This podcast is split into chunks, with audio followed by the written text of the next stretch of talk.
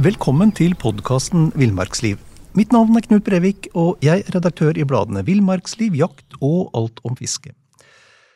Polarhistorien er full av tragedier.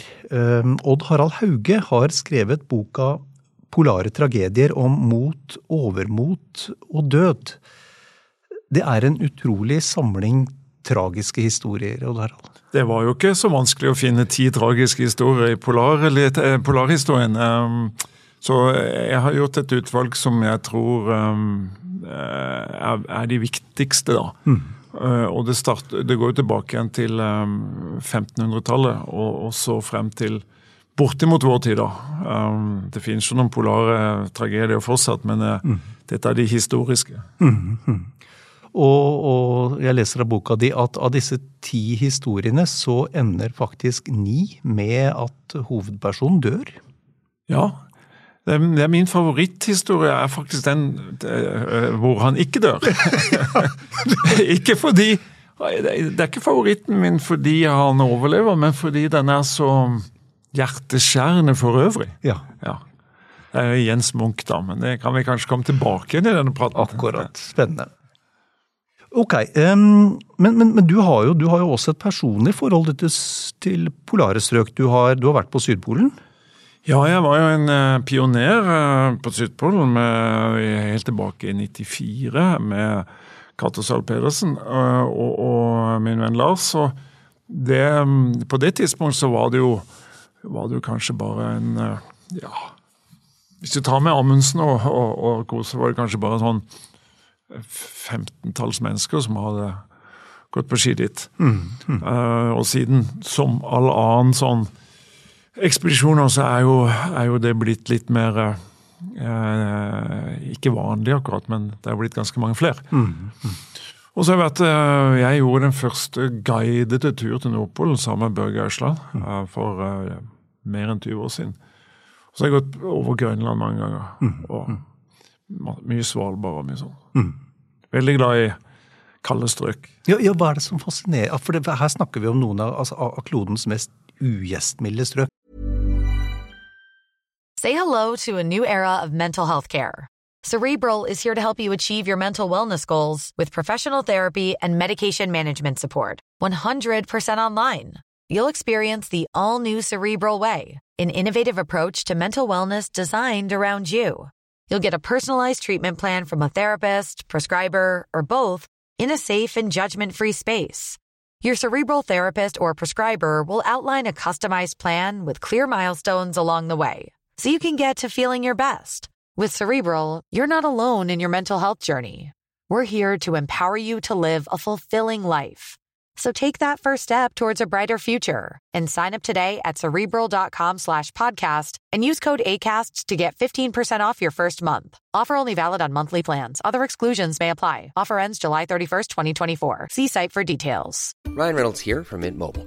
With the price of just about everything going up during inflation, we thought we'd bring our prices down. So to help us, we brought in a reverse auctioneer, which is apparently a thing. Mint Mobile unlimited premium wireless. Ready to get 30, 30, bit to get 30, bit to get 20, 20, 20, bit to get 20, 20, bit to get 15, 15, 15, 15 just 15 bucks a month. So, Give it a try at mintmobile.com/switch. slash $45 up front for 3 months plus taxes and fees. Promo for new customers for limited time. Unlimited more than 40 gigabytes per month slows. Full terms at mintmobile.com. Ja, men, men, det er jo det er jo det spørsmålet alt, som alltid er så vanskelig å, å, å svare på, da. Um, lyset. Mm. Det er jo noe med lyset, da. vet du. Fordi i disse strøkene Man er jo stort sett der i, i uh, midnattssolstida. Så det er fantastisk lys. Og, og uh, formasjoner og stillhet. Og, og, så er det moro å klare noe i vår tid som, som tross alt er litt vanskelig, da. Mm. Uh, litt utfordrende. Så Nei, det, det er Og så er det noe vi nordmenn, nordmenn kan. Altså, vi kan jo gå på ski. Mm. Og i, i, Norge er det altså så mange flinke folk, og det ble, ikke så mange er jo lesere uh, hos deg. Um, og jeg er sikker på at det er uh, mange titusen flinke friluftsfolk i Norge som kunne gjort det samme. Uh, og så er det mange forskjellige grunner til at ikke de har gjort det. Mm. Men um, Så jeg regner ikke meg selv som noe, noe, noe unikum i dette, altså. Mm. Uh, vi er en nasjon av uh, fantastisk flinke folk. Mm. Og, så er vi uhyre opptatt, i hvert fall det er mitt inntrykk, vi er uhyre opptatt av polarlitteratur. Vi er veldig opptatt av disse historiene. Ja, det er jo, det er jo noe av det som satte Norge på kartet, da. Og, og, før vi ble ordentlig selvstendige, så så det er rart å tenke på at vi hadde liksom um, Vi hadde Amundsen og Nansen i, de, i, den kategorien, og, men så hadde vi Munch og Grieg og Ibsen. Og alle disse var jo mer eller mindre samtidige. Uh, da, da, Norge liksom vokste frem og ble en selvstendig nasjon, og det tror jeg ikke var helt tilfeldig. Uh, om det ene kom av det andre eller hva, det, det er litt vanskelig å si, men, men vi har jo aldri siden fostret det knippet med, med verdensberømtheter. Nei. Enere. Enere, ja. Mm. ja. Så, så, at, vi, vi, um, at vi er uh, opptatt av, av det. Vi, vi, fortsatt er best i verden. Mm. Både til å gå på ski og, og til å altså Hvis du ser rundt på, på ekspedisjoner i kalde strøk, så er det jo det er jo andre nasjoner òg, men det er jo dominert av nordmenn. Mm. Vi skal jo snakke, skal snakke, mer om boka di, 'Polare tragedier'. Um, men, men, jeg lurer på nå, nå, har jo du gått detaljert inn i, inn i ti av disse historiene. Uh, og er det noen Og det er jo tragedier. og er, er det noen fellesnevner her? Hva, hva er det folk um, som en hovedregel har gjort feil? Hvor har de, hvor har de bomma? Det, ja, bomma de Du vet at de de dro ut uh, på uh, et hvitt felt. Altså, det var ikke kart. Um, og, og, da måtte de jo eh, støtte seg på datidens vitenskapsmenn, og, og vitenskapsmenn da som nå var jo alltid skråsikre. Uh, så vitenskapen i dag er jo helt sikker på at de vet alt. Um, og det gjør de ikke. Så det som var f.eks. typisk for og, og litt som man kan smile litt av, er jo at de eh, eh, Midnattssol var jo et kjent fenomen. Men da trodde vitenskapen ikke bare trodde, de var helt sikre på at hvis man kom langt nok nord, så ville midnattssola smelte av isen. Ja. så det var bare å komme forbi dette lille isbeltet. Og komme til oasen? Ja, og, og, ja, så, så, og eh, det var ingen som visste om det var land på Nordpolen eller ikke. Um, det er Verken i nord eller syd visste man jo noe om, om, hvordan det så ut. Så bare den forestillingen om at kom du langt nok nord, så var det ikke lenger is. Uh, og uh, hvordan um, de Veldig mange av disse nordover-ekspedisjonene uh, feila jo av dette. Og, og, så var det andre ganger hvor de de fikk liksom Datidens kartografer som hadde, de, ble jo tegna kart på, på, bakgrunn av hva de hadde hørt og legender og alt slikt, og de var jo ofte totalt feil. Mm. Så de dro jo ut da med, med feil kart og uten kompass. Mm. Og, um, og, med en, en, en, visshet og en trygghet som var, også var eh, fullstendig feilslått. Så, og, men de var jo veldig modige, da. Mm. Um, og så var de jo også i, i, noen tilfeller litt naive, for det var jo mange ganger de ikke hadde eh, de hadde ikke nok erfaring, eh, og de hadde ikke godt nok utstyr for mange hundre år siden, eh, rett og slett.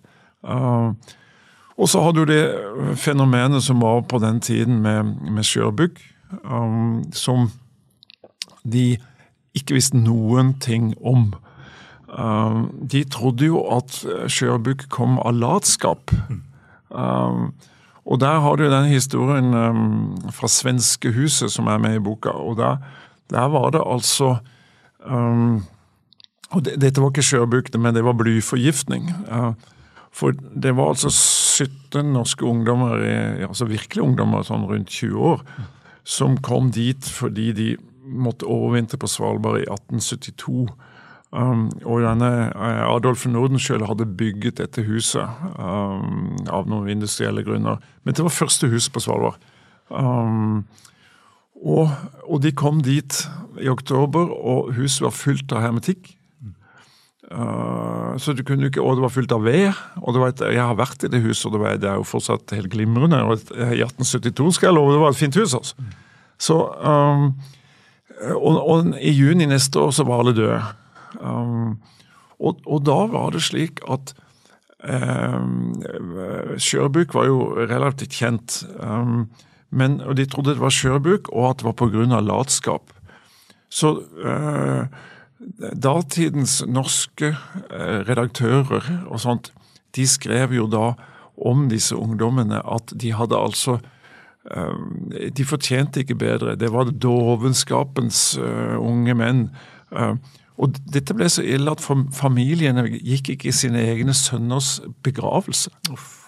Så du kan bare tenke deg eh, altså hvordan eh, feilslått informasjon og manglende kunnskap og alt, både hos de som omkom, mm. men ikke minst hos, hos, verden rundt. Og det, tok, det var altså ikke før i 2010 at noen norske eh, forskere og leger endelig fikk lov å å, å, grave opp noen beinrester og de blikkboksene som lå utafor huset.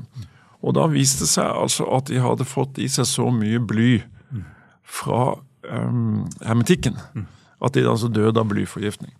Og det må jo for øvrig ha vært en grusom opplevelse å se hvordan alle rundt en ble dårligere og dårligere og døde én etter én, og så være sistemann. Ja, ja. Men det var kanskje ikke det som var favoritthistorien din? Nei, men, men, den er også veldig fascinerende og veldig, naturligvis veldig trist. Men, men den, den, som slår meg som det mest uforståelige, det er jo historien om den svenske ingeniør Andres ballongferd mot Nordpolen i 1897.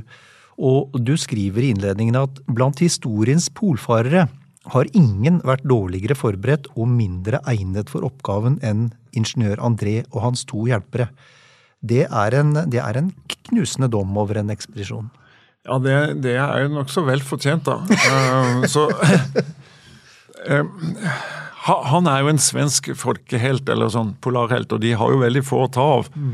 Så, så, de mener de jo har Nordenskjöld, men han var jo egentlig finsk. Uh, så kaptein André han, han, var ganske god ballongfarer. Og ballonger var, var veldig nytt på den tiden. og det, det som André hadde lært seg som noenlunde, var å styre en ballong. Eh, den er jo stort sett styrt av vinden, men at du kan, kan bestemme litt retning. Litt, i hvert fall. Og eh, med bakgrunn i dette så hadde han da tenkt å, å eh, stige opp med den ballongen helt på nordspissen av Svalbard, og så seile over Nordpolen og, og enn i Canada eller, eller, Russland. Han hadde jo med både dollar og rubler. Ja, på kontanter, på å være sikker. Uh, så, um, men uh, de, de, dette var jo da en sånn det, Dette vakte en voldsom oppmerksomhet. Uh, for første året så var det jo mye medier der oppe. Det er omtrent som det hadde altså, skulle tro det var i dag. altså Det var jo medier fra hele verden som lå der oppe på nordspissen av Svalbard i, i 1897. Og, og André han, han, brakte med seg um, mye champagne. Så det var mye eh, drikking og skåling. og de bygde jo da et hus. Jeg har jo vært der og, og sett det, det huset er jo bare en plankehaug nå, da. men um, Så de bygde et, et, stort hus hvor ballongen var ferdig oppblåst inni det uh, inn det huset. Og så skulle de da rive veggene når vinden kom fra syd, som den nødvendigvis måtte. Men hele den første sommeren så var det ingen vind fra syd. Ja, og Det er ikke så veldig vanlig på nordspissen av Svalbard. Du skriver også i boka at hadde de, hadde de spurt en hvem som helst isfarer, så ja. hadde de fått det svaret at det blåser aldri fra syd der. Ja, så det, det var liksom ikke Pakkelista var enorm av absurde ting, eh, som et anker og, og, og, og Britannia Encyklopedia, eller det var kanskje motsatt. men eh, um, eh, Og silketørklær og champagne og det slike. Så, Til og med brevduer? Brevduer, Ja, for de ville jo sende noen beskjeder hjem eh, fra, fra, fra, dette. Interessen var jo selvfølgelig så stor fordi på dette tidspunktet var det jo enda eh, mer enn ti år til den første skulle komme til Nordpolen. Um, Og eh, når det er sagt, så er det, hersker det en viss tvil om hvem som var først på Nordpolen.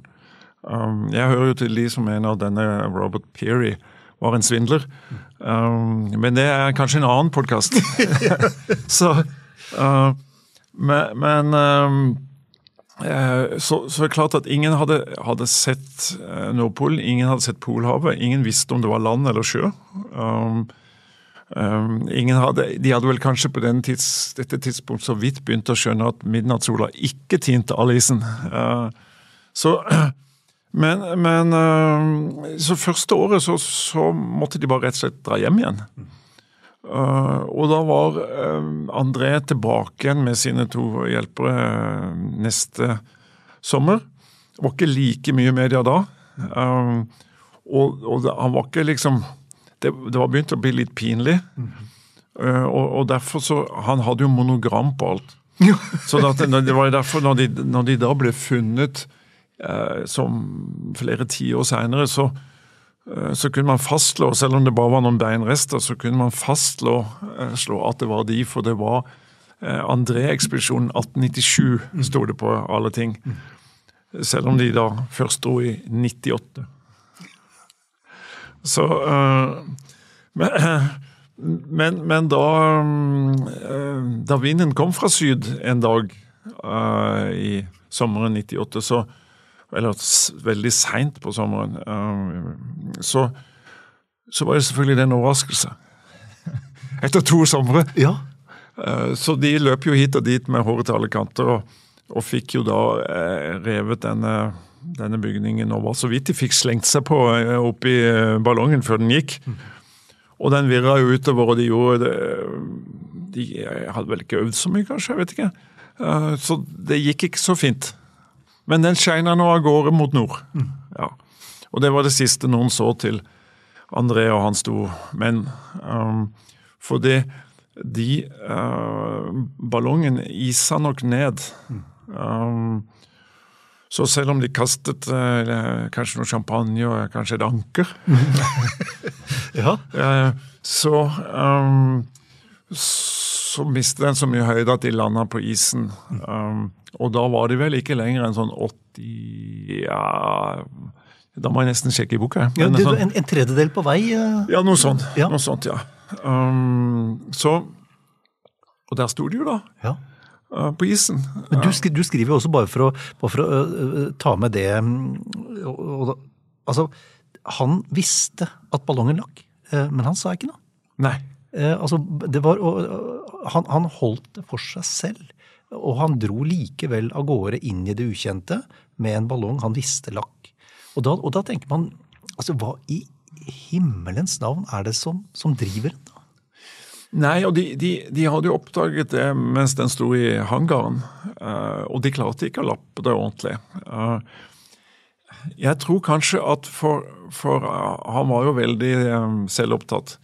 Og det, det, kan godt tenkes at Eller til og med naturlig at han ikke orket det nederlaget. Um, og måtte reise hjem en gang til. Mm. og bli gjort virkelig til latter. Mm.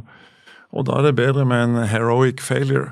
Men hvordan han I, i sterk, god vind så, så, kunne de jo seile over Polhavet kanskje på en fire dager eller noe sånt. Um, så, og han hadde vel kanskje et håp om at en kunne holde seg i lufta så lenge.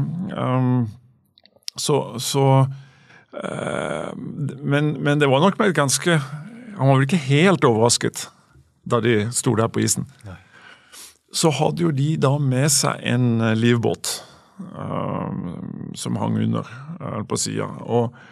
Um, så han hadde jo også sett for seg dette. Og det fantes et nøddepot på noe som heter, noen små øyer nord for Nordøstland som heter Sjuøyene. Det, det har jeg faktisk vært. Um, og, og, Så meningen var jo da å sette kursen for, uh, for disse. Um, dette, dette, var jo faktisk et par-tre år etter at Nansen hadde uh, seilt med og Fram hadde drevet over Polhavet. Um, sånn at man, han burde ha visst litt om, om isdrift. Um, Men han spurte ikke om det heller, nei. Ikke som vi vet, i hvert fall. Um, sånn at når du er på den isen, så stort sett så går du dit isen vil. Ikke dit du vil. Uh, For han gikk øst, nordøst over han, mot isretningen. Ja, og, og da kommer du ikke langt, vet du. Fordi at da isen, isen vil en vei, og du vil en annen vei. Og, og selv nåtidens polfarere sliter jo mye med det.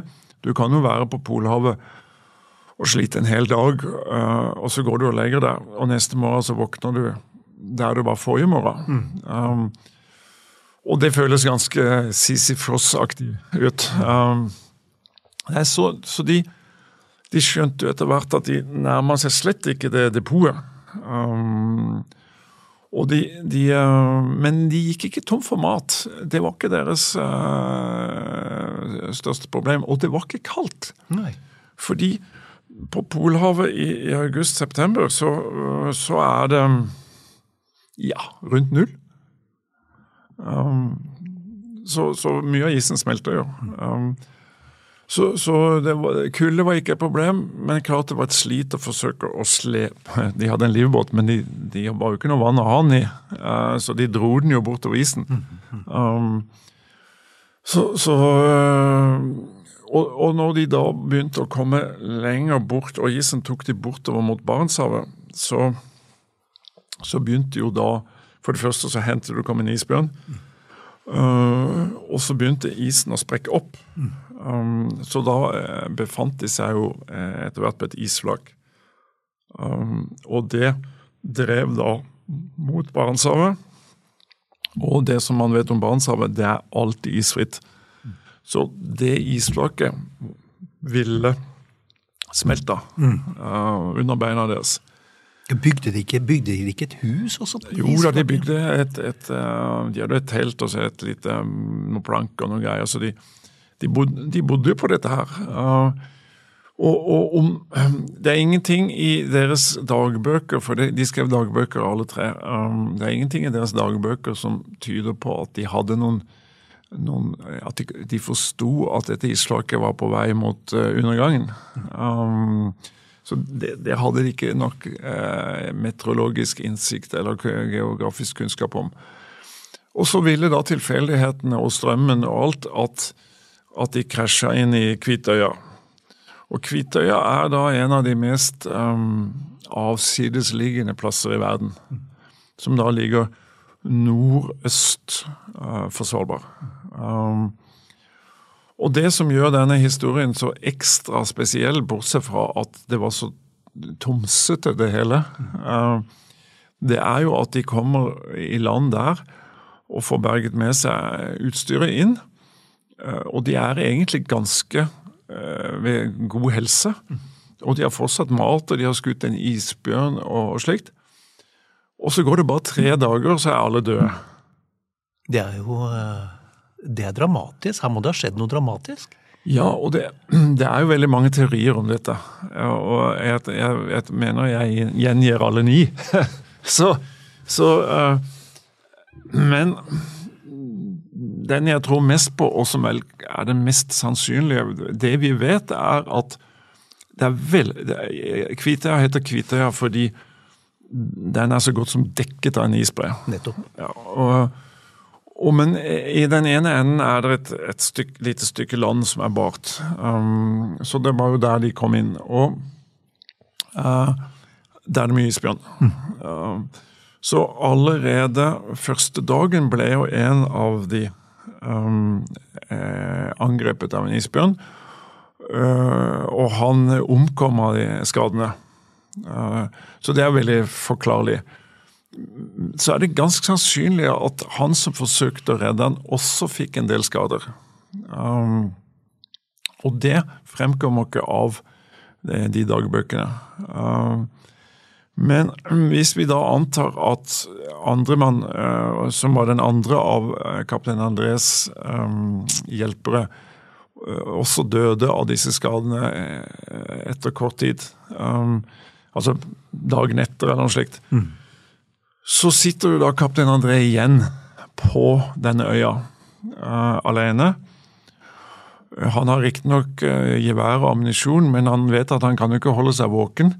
Um, og uh, ham, hans lik ble da funnet oppå en, en, et sånn steinhylle, berghylle, uh, hvor han sitter lent opp mot en, en, en fjellvegg. Med våpen. Med våpen, ja. Uh, og en del piller og medisiner og slikt ved seg.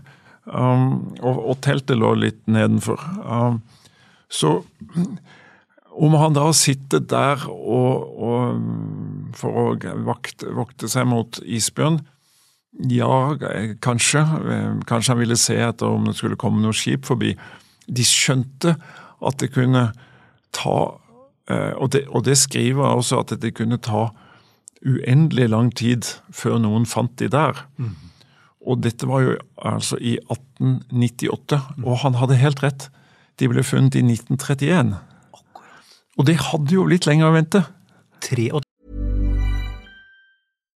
Subtle results, still you, but with fewer lines. Botox Cosmetic, out of botulinum toxin A, is a prescription medicine used to temporarily make moderate to severe frown lines, crow's feet, and forehead lines look better in adults. Effects of Botox Cosmetic may spread hours to weeks after injection, causing serious symptoms. Alert your doctor right away as difficulty swallowing, speaking, breathing, eye problems, or muscle weakness may be a sign of a life threatening condition. Patients with these conditions before injection are at highest risk. Don't receive Botox Cosmetic if you have a skin infection. Side effects may include allergic reactions, injection site pain, headache, eyebrow and eyelid drooping, and eyelid swelling. Allergic reactions can include rash, welts, asthma symptoms, and dizziness. Tell your doctor about medical history, muscle or nerve conditions including ALS or Lou Gehrig's disease, myasthenia gravis, or Lambert-Eaton syndrome and medications, including botulinum toxins, as these may increase the risk of serious side effects. For full safety information, visit BotoxCosmetic.com or call 877-351-0300. See for yourself at BotoxCosmetic.com.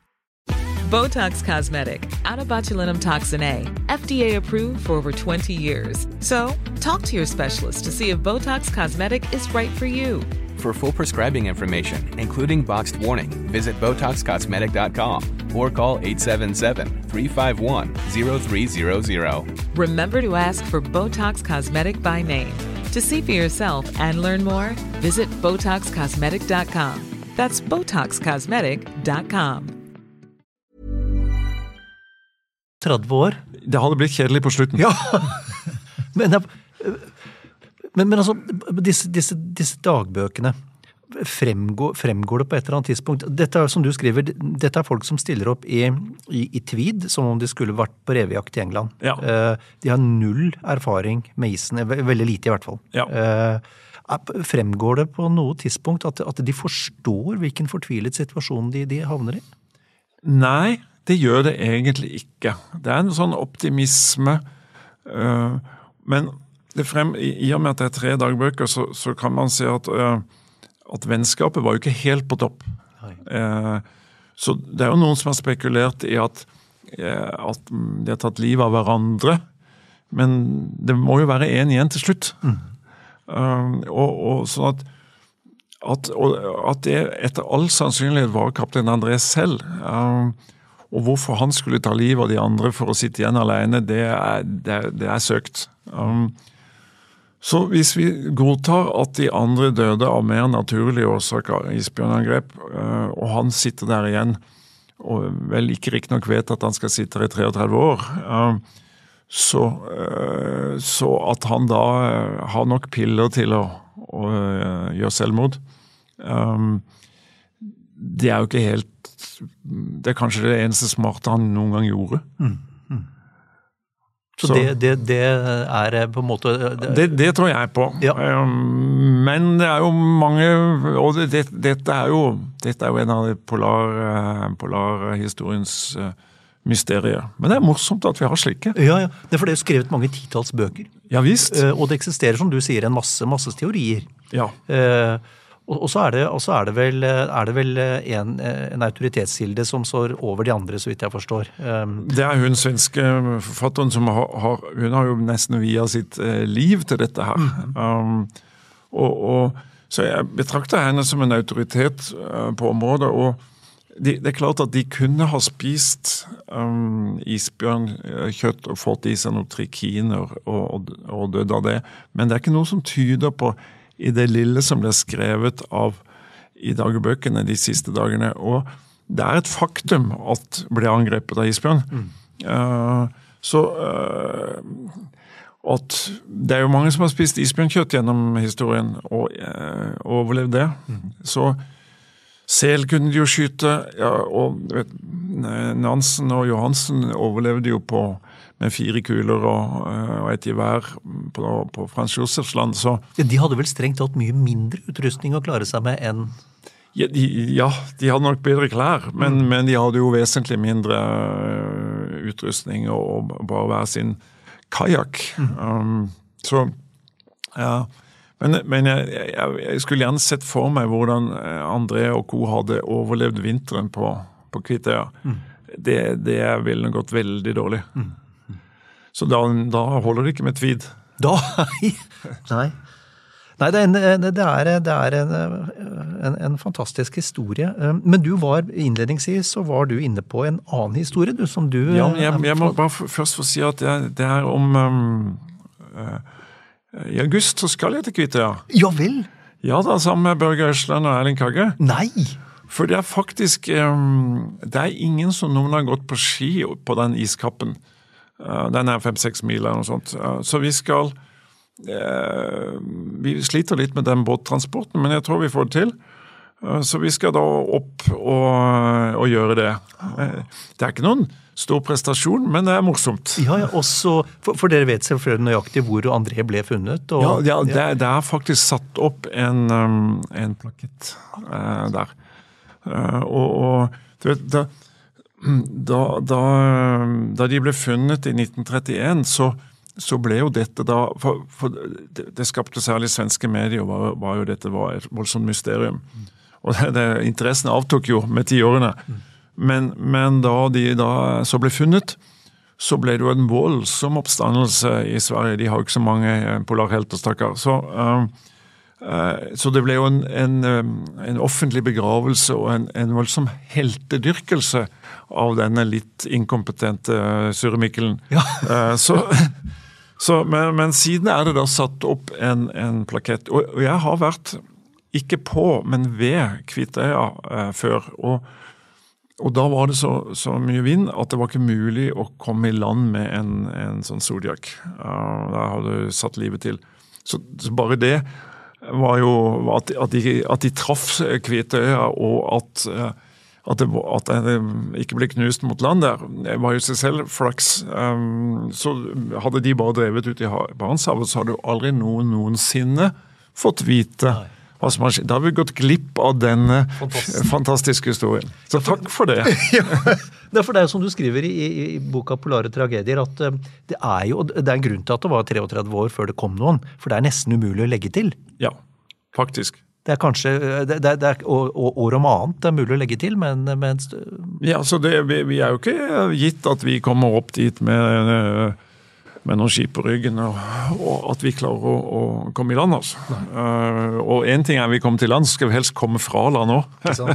så, så det, det, er vel den største ut, uh, utfordringen her, mm. rett og slett. Og de som kom i 1933, de, jeg tror de var i land for å lete etter noe vann. Eller hente noe is, altså. Uh, det ikke, jeg husker ikke helt. Men, men det, det, jo, det, hadde jo vært båter forbi, men det er jo ingen grunn til å gå i land der. Nei. Oh, ok. Um, din favoritt av disse ti tragiske historiene, Odd Harald? Det er altså Jens Munch. Um, han, han, var eh, norsk-dansk. Han var født i Arendal. Eller Nedenes, som det het den gang. Uh, og vi, vi, er nå på slutten av 1500-tallet. Eh, og hans far var um, det som het lensherre. Um, veldig brutal, eh, grådig dansk lensherre. Og han hadde fått dette um, eh, denne posisjonen av danskekongen fordi han hadde hjulpet danskekongen i krig. Og slik var det jo ofte at man fikk, eh, fikk deler av byttet eller andre påskjønnelser. Så, men, men denne eh, Erik Munch, som han het, han, han var altså så brutal og så grådig og så nådesløs at han faktisk til slutt ble avsatt uh, av, av danskekongen og kastet i fengsel i København. Det skal noe til, altså. Uh, for å mishandle bønder i Sør-Norge. Um, da skulle du være hard i klubba. Ja, da uh, Så, så det, det, det, det var en rettssak på Akershus festning, så at rettssystemet må ha til en viss grad fungert da, som det til en viss grad fungerer nå. Um, og dette gjorde at, at den da syv år gamle Jens Munch han ble jo da alene med sin mor, og de ble jo fratatt alt. Så fra da var jo han en eh, Mora var jo på fattighuset, og, og han eh, ble satt bort til noen andre og eh, gikk til sjøs som tolvåring. Um, og levde da et helt, helt eh, eventyrlig liv på, på alle vis. Men, men, også et tragisk liv. Eh, bortsett fra at han overlevde sin store ekspedisjon, eller sine mange, mange ekspedisjoner. Har vi, eh, har vi, anledning til å gå litt mer inn på Jens Munch? Veldig gjerne. Så, så, fordi han var jo da uh, Han seilte på et hollandsk uh, skip som tenåring. Og, um, og uh, hollenderne og, Eller portugiserne hadde jo da Brasil, fordi Spania og Portugal hadde jo delt Sør-Amerika mellom seg. Så han, han kom til uh, Brasil som 17-18-åring, og, og, der ble han uh, Det var jo et paradis. Uh, både værmessig og på, på alle vis. Og, og der ble, var han vel Han lærte seg litt som handelsmann, og, og, han skulle gifte seg med den lokale skjønnhet som var datter av den store handelsmannen og slikt. Men, men um, lokale stridigheter og spanjoler og portugisere, og gjorde at han, han reddet en, et hollandsk skip fra å bli slaktet ned av, um, av, av spanjolene ved å svømme ut om natta uh, og advare dem. Uh, og han kunne aldri vende tilbake til dette paradiset. Så når han kom tilbake igjen til Europa, så mønstret han av, og så dro han til København fordi han antok at hans far fortsatt var i live. For hans far hadde jo vært både rik og mektig. Og, og, og, sånn som han husket sin far, var jo han en mann som beseiret alt. Men da han kom til København, så hadde da faren, som satt på det verste fengselet i, verden omtrent, han hadde da hengt seg på cella. Og alt som, som um, Jens Munch fikk overlevert, var en bylt med klær.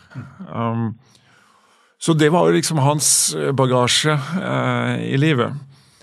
Så han fortsatte til sjøs, seilte rundt på handelsskip, la seg opp penger, lærte seg det hele. Ble kaptein, kjøpte sin egen båt. I det hele tatt bygde seg opp. Um, og så um, besluttet de å dra til, til um, å finne Nordøstpassasjen. Nordøstpassasjen var jo datidens uh, hellige gral. Fordi Spania og Portugal kontrollerte sjøveien uh, til Østen. Eh, og lot ikke noen andre nasjoner slippe til på dette. Så det andre mektige Danmark, eh, Nederland var verdens rikeste land på det tidspunkt, eh, England Alle drømte om å finne en annen sjøvei til, um, til Østen. Enten Nordøstpassasjen eller Nordøstpassasjen. Og det, det, det, for øvrig handler min siste roman om, som er fem dager gammel, uh, Novaya Semla-effekten. Og da, um, så han, han, var på flere eh, fantastiske ekspedisjoner der, men det var ingen som var i nærheten av å komme forbi isen ved Nova Semla. Um, og så, um, så, slo han seg da opp på hvalfangst. Dette var helt nytt. Han hadde jo sett um, eh, noen baskere drive hvalfangst oppe på Finnmarkskysten, og også opp mot Svalbard. Så han, han um, slo seg opp da på hvalfangst. Um, og, uh, og, gikk da uh, bygde seg opp. Han var, jo, han var nok en glad i risiko. Han, hver krone som han tjente, ble investert i flere skip og flere mannskap og sånn. Men så ble det en, ett år hvor isen gjorde at du ikke kunne komme noe sted, så det gikk en konk. På bar bakke. Og imellom alt dette her, så var han da stadig vekk i tjeneste hos Kristian Christian Kvart, Christian 4., som er en legendarisk dansk konge. Han overtok et Danmark som var veldig, eh, veldig rikt, eh, mektig, eh, et, en krigsnasjon. Um, men greide å kjøre Danmark fullstendig i grøfta. Um, men eh, Kristian Kvart gikk da til, til krig mot Sverige, eh, som var litt svakt på den tida. Og en av hans viktigste eh, admiraler og generaler var nettopp Jens Munch. Og Jens Munch var da hovedmann i stormingen av, av um, festningen i Göteborg. Uh, og han fikk i oppdrag å lede hæren videre oppover um, Gjøtaelven og ta til fange de siste. Men her kom det da et, et sånt svartedauden-tilfelle, eh, som man stadig hadde i Europa. Som, gjorde, som nesten tok livet av Jens Munch og store deler av hæren osv. Så, videre, så Fremdriften stoppa. Fremdrift, ja, men de vant jo krigen, da. Og, og, og da eh, Alle som hadde hjulpet kongen i krigen, de fikk eh, store um, hedersbevisninger. De fikk slått og, og, og len og uh, titler, og, ikke minst adelstitler, som jo var så ufattelig viktig den gangen.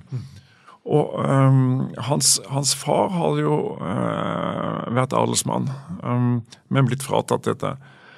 Så man skulle jo tro at Jens Munch, som var en av de store heltene uh, fra krigen, ville få noe, men han fikk ingenting. Han sto ikke på lista over noe. Uh, og du, Man kan tenke deg hvilket slag dette var. Så og, og, den eneste årsaken var at han Det var at han var sønn av sin far.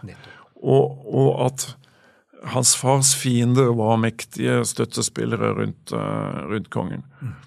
Så um, og, Men så kommer det han, han, skulle få sjansen til en re rehabilitering mer enn én en gang.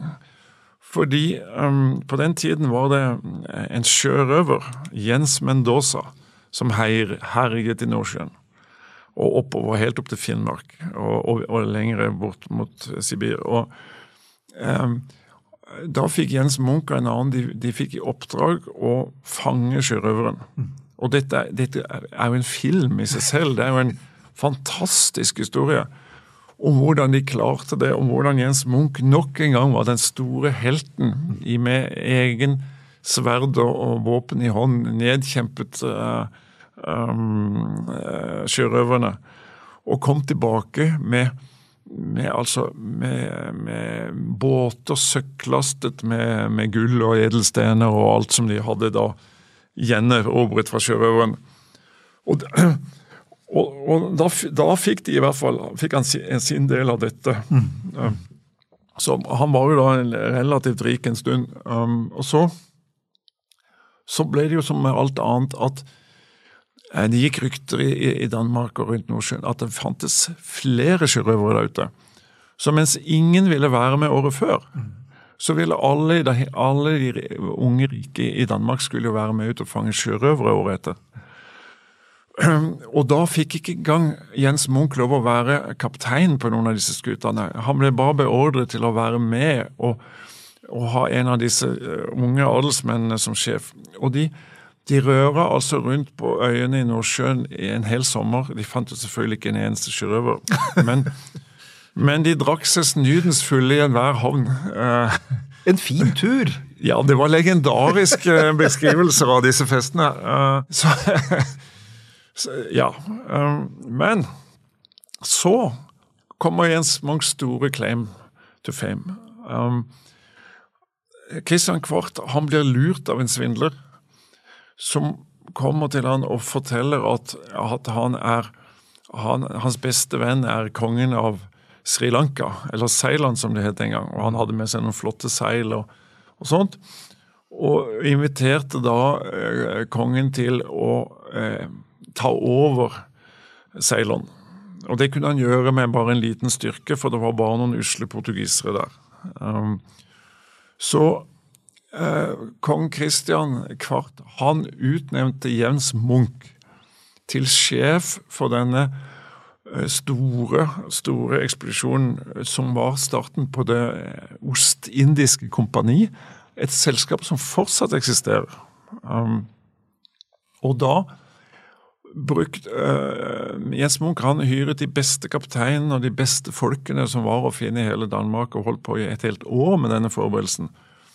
Men bare en måned før de skulle dra, så tok kongen fra han kommandoen og ga det til en, en sånn adelsmann. Så han fikk ikke engang lov å være med. Og måtte stå på land og så se hele denne svære flåten seile ut. Den ekspedisjonen ble en totale fiasko. Mm.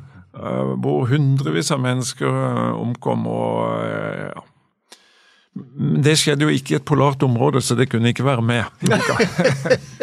Men for en vanvittig selvoppholdelsesdrift. Ja, men så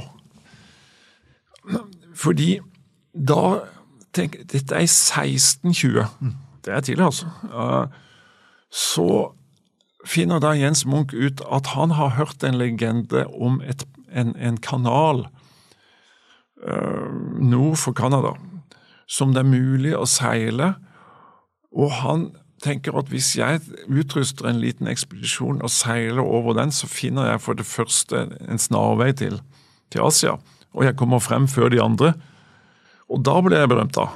Um, så han ut, var, det, var, det, var, ikke to menn og en hund, men det var, det var en, en halv stor båt med 64 mann og, en, og, med en liten båt på slepp.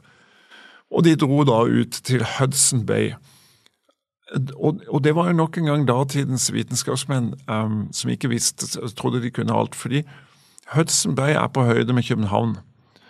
Så de ville jo da tro at uh, klimaet var det samme. Mm. Det var jo ingen som hadde oppdaga Golfstrømmen. Så, så, de dro over dit, og de var ganske mangelfullt utstyrt. Um, Pga. masse viderverdigheter så kom de ikke dit før midten av september. Og da var det jo allerede på vei til å bli vinter. Og denne kanalen, den fantes jo ikke. Så i bunnen av Hudsonbukta måtte da um, Munch og hans 64 menn overvintre. Og det hadde de ingen forutsetninger for, de var ikke utstyrt for det. Og sjøbuken tok det jo etter hvert. Um, så da våren kom, så var det bare Jens Munch som så vidt var i live. Og da hadde han ikke skrevet i dagboka på, på flere uker. da Han skrev en avskjedshilsen, men han, på en eller annen vis så greide han å holde liv i seg, han og to andre som var på land. Og da de krøp rundt på land og spiste noe av de første grønne gresset som dukka opp. Da har vi kommet til juni, altså. Mm, mm.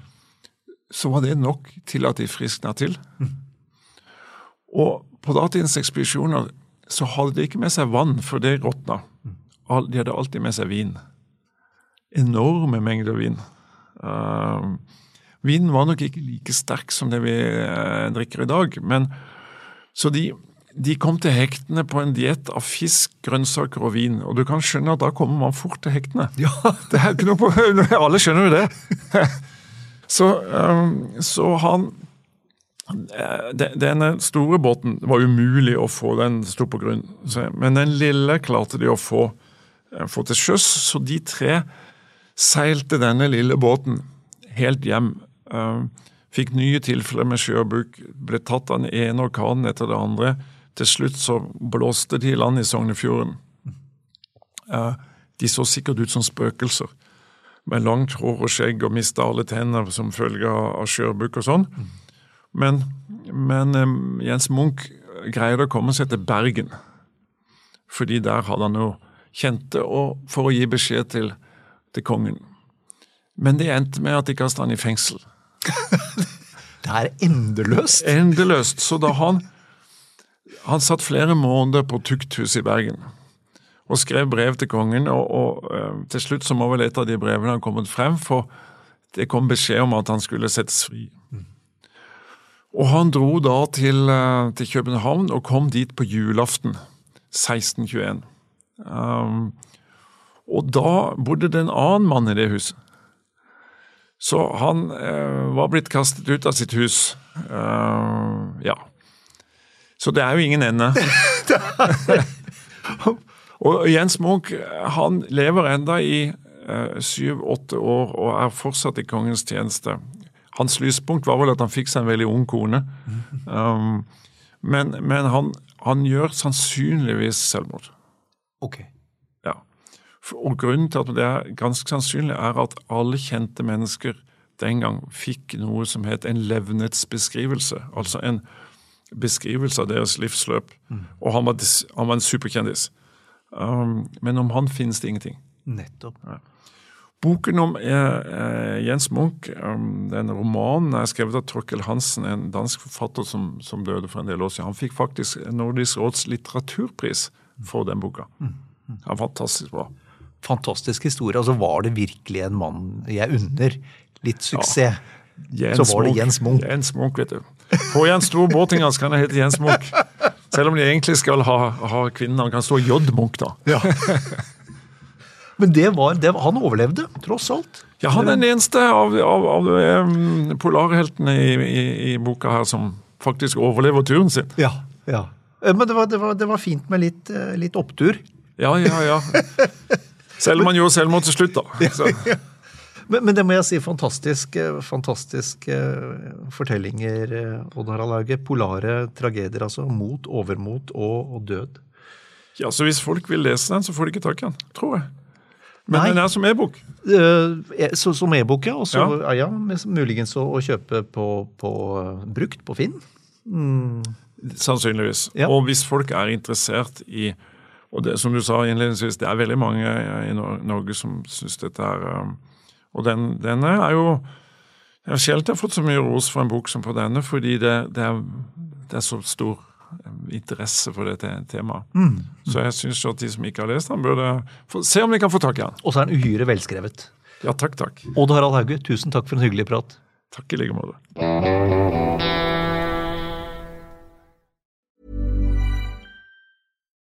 Botox Cosmetic, out of botulinum toxin A, FDA approved for over 20 years. So, talk to your specialist to see if Botox Cosmetic is right for you.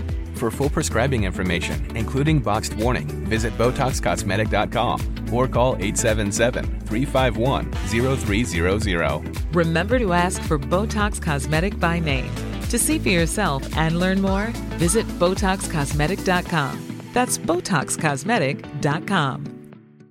Every fan knows the right player in the right position can be a game changer. Put LifeLock between your identity and identity thieves to monitor and alert you to threats you could miss. Plus, with a U.S.-based restoration specialist on your team, you won't have to face drained accounts, fraudulent loans, or other losses from identity theft alone. All backed by the LifeLock Million Dollar Protection Package. Change the game on identity theft. Save up to 25% your first year at LifeLock.com slash aware.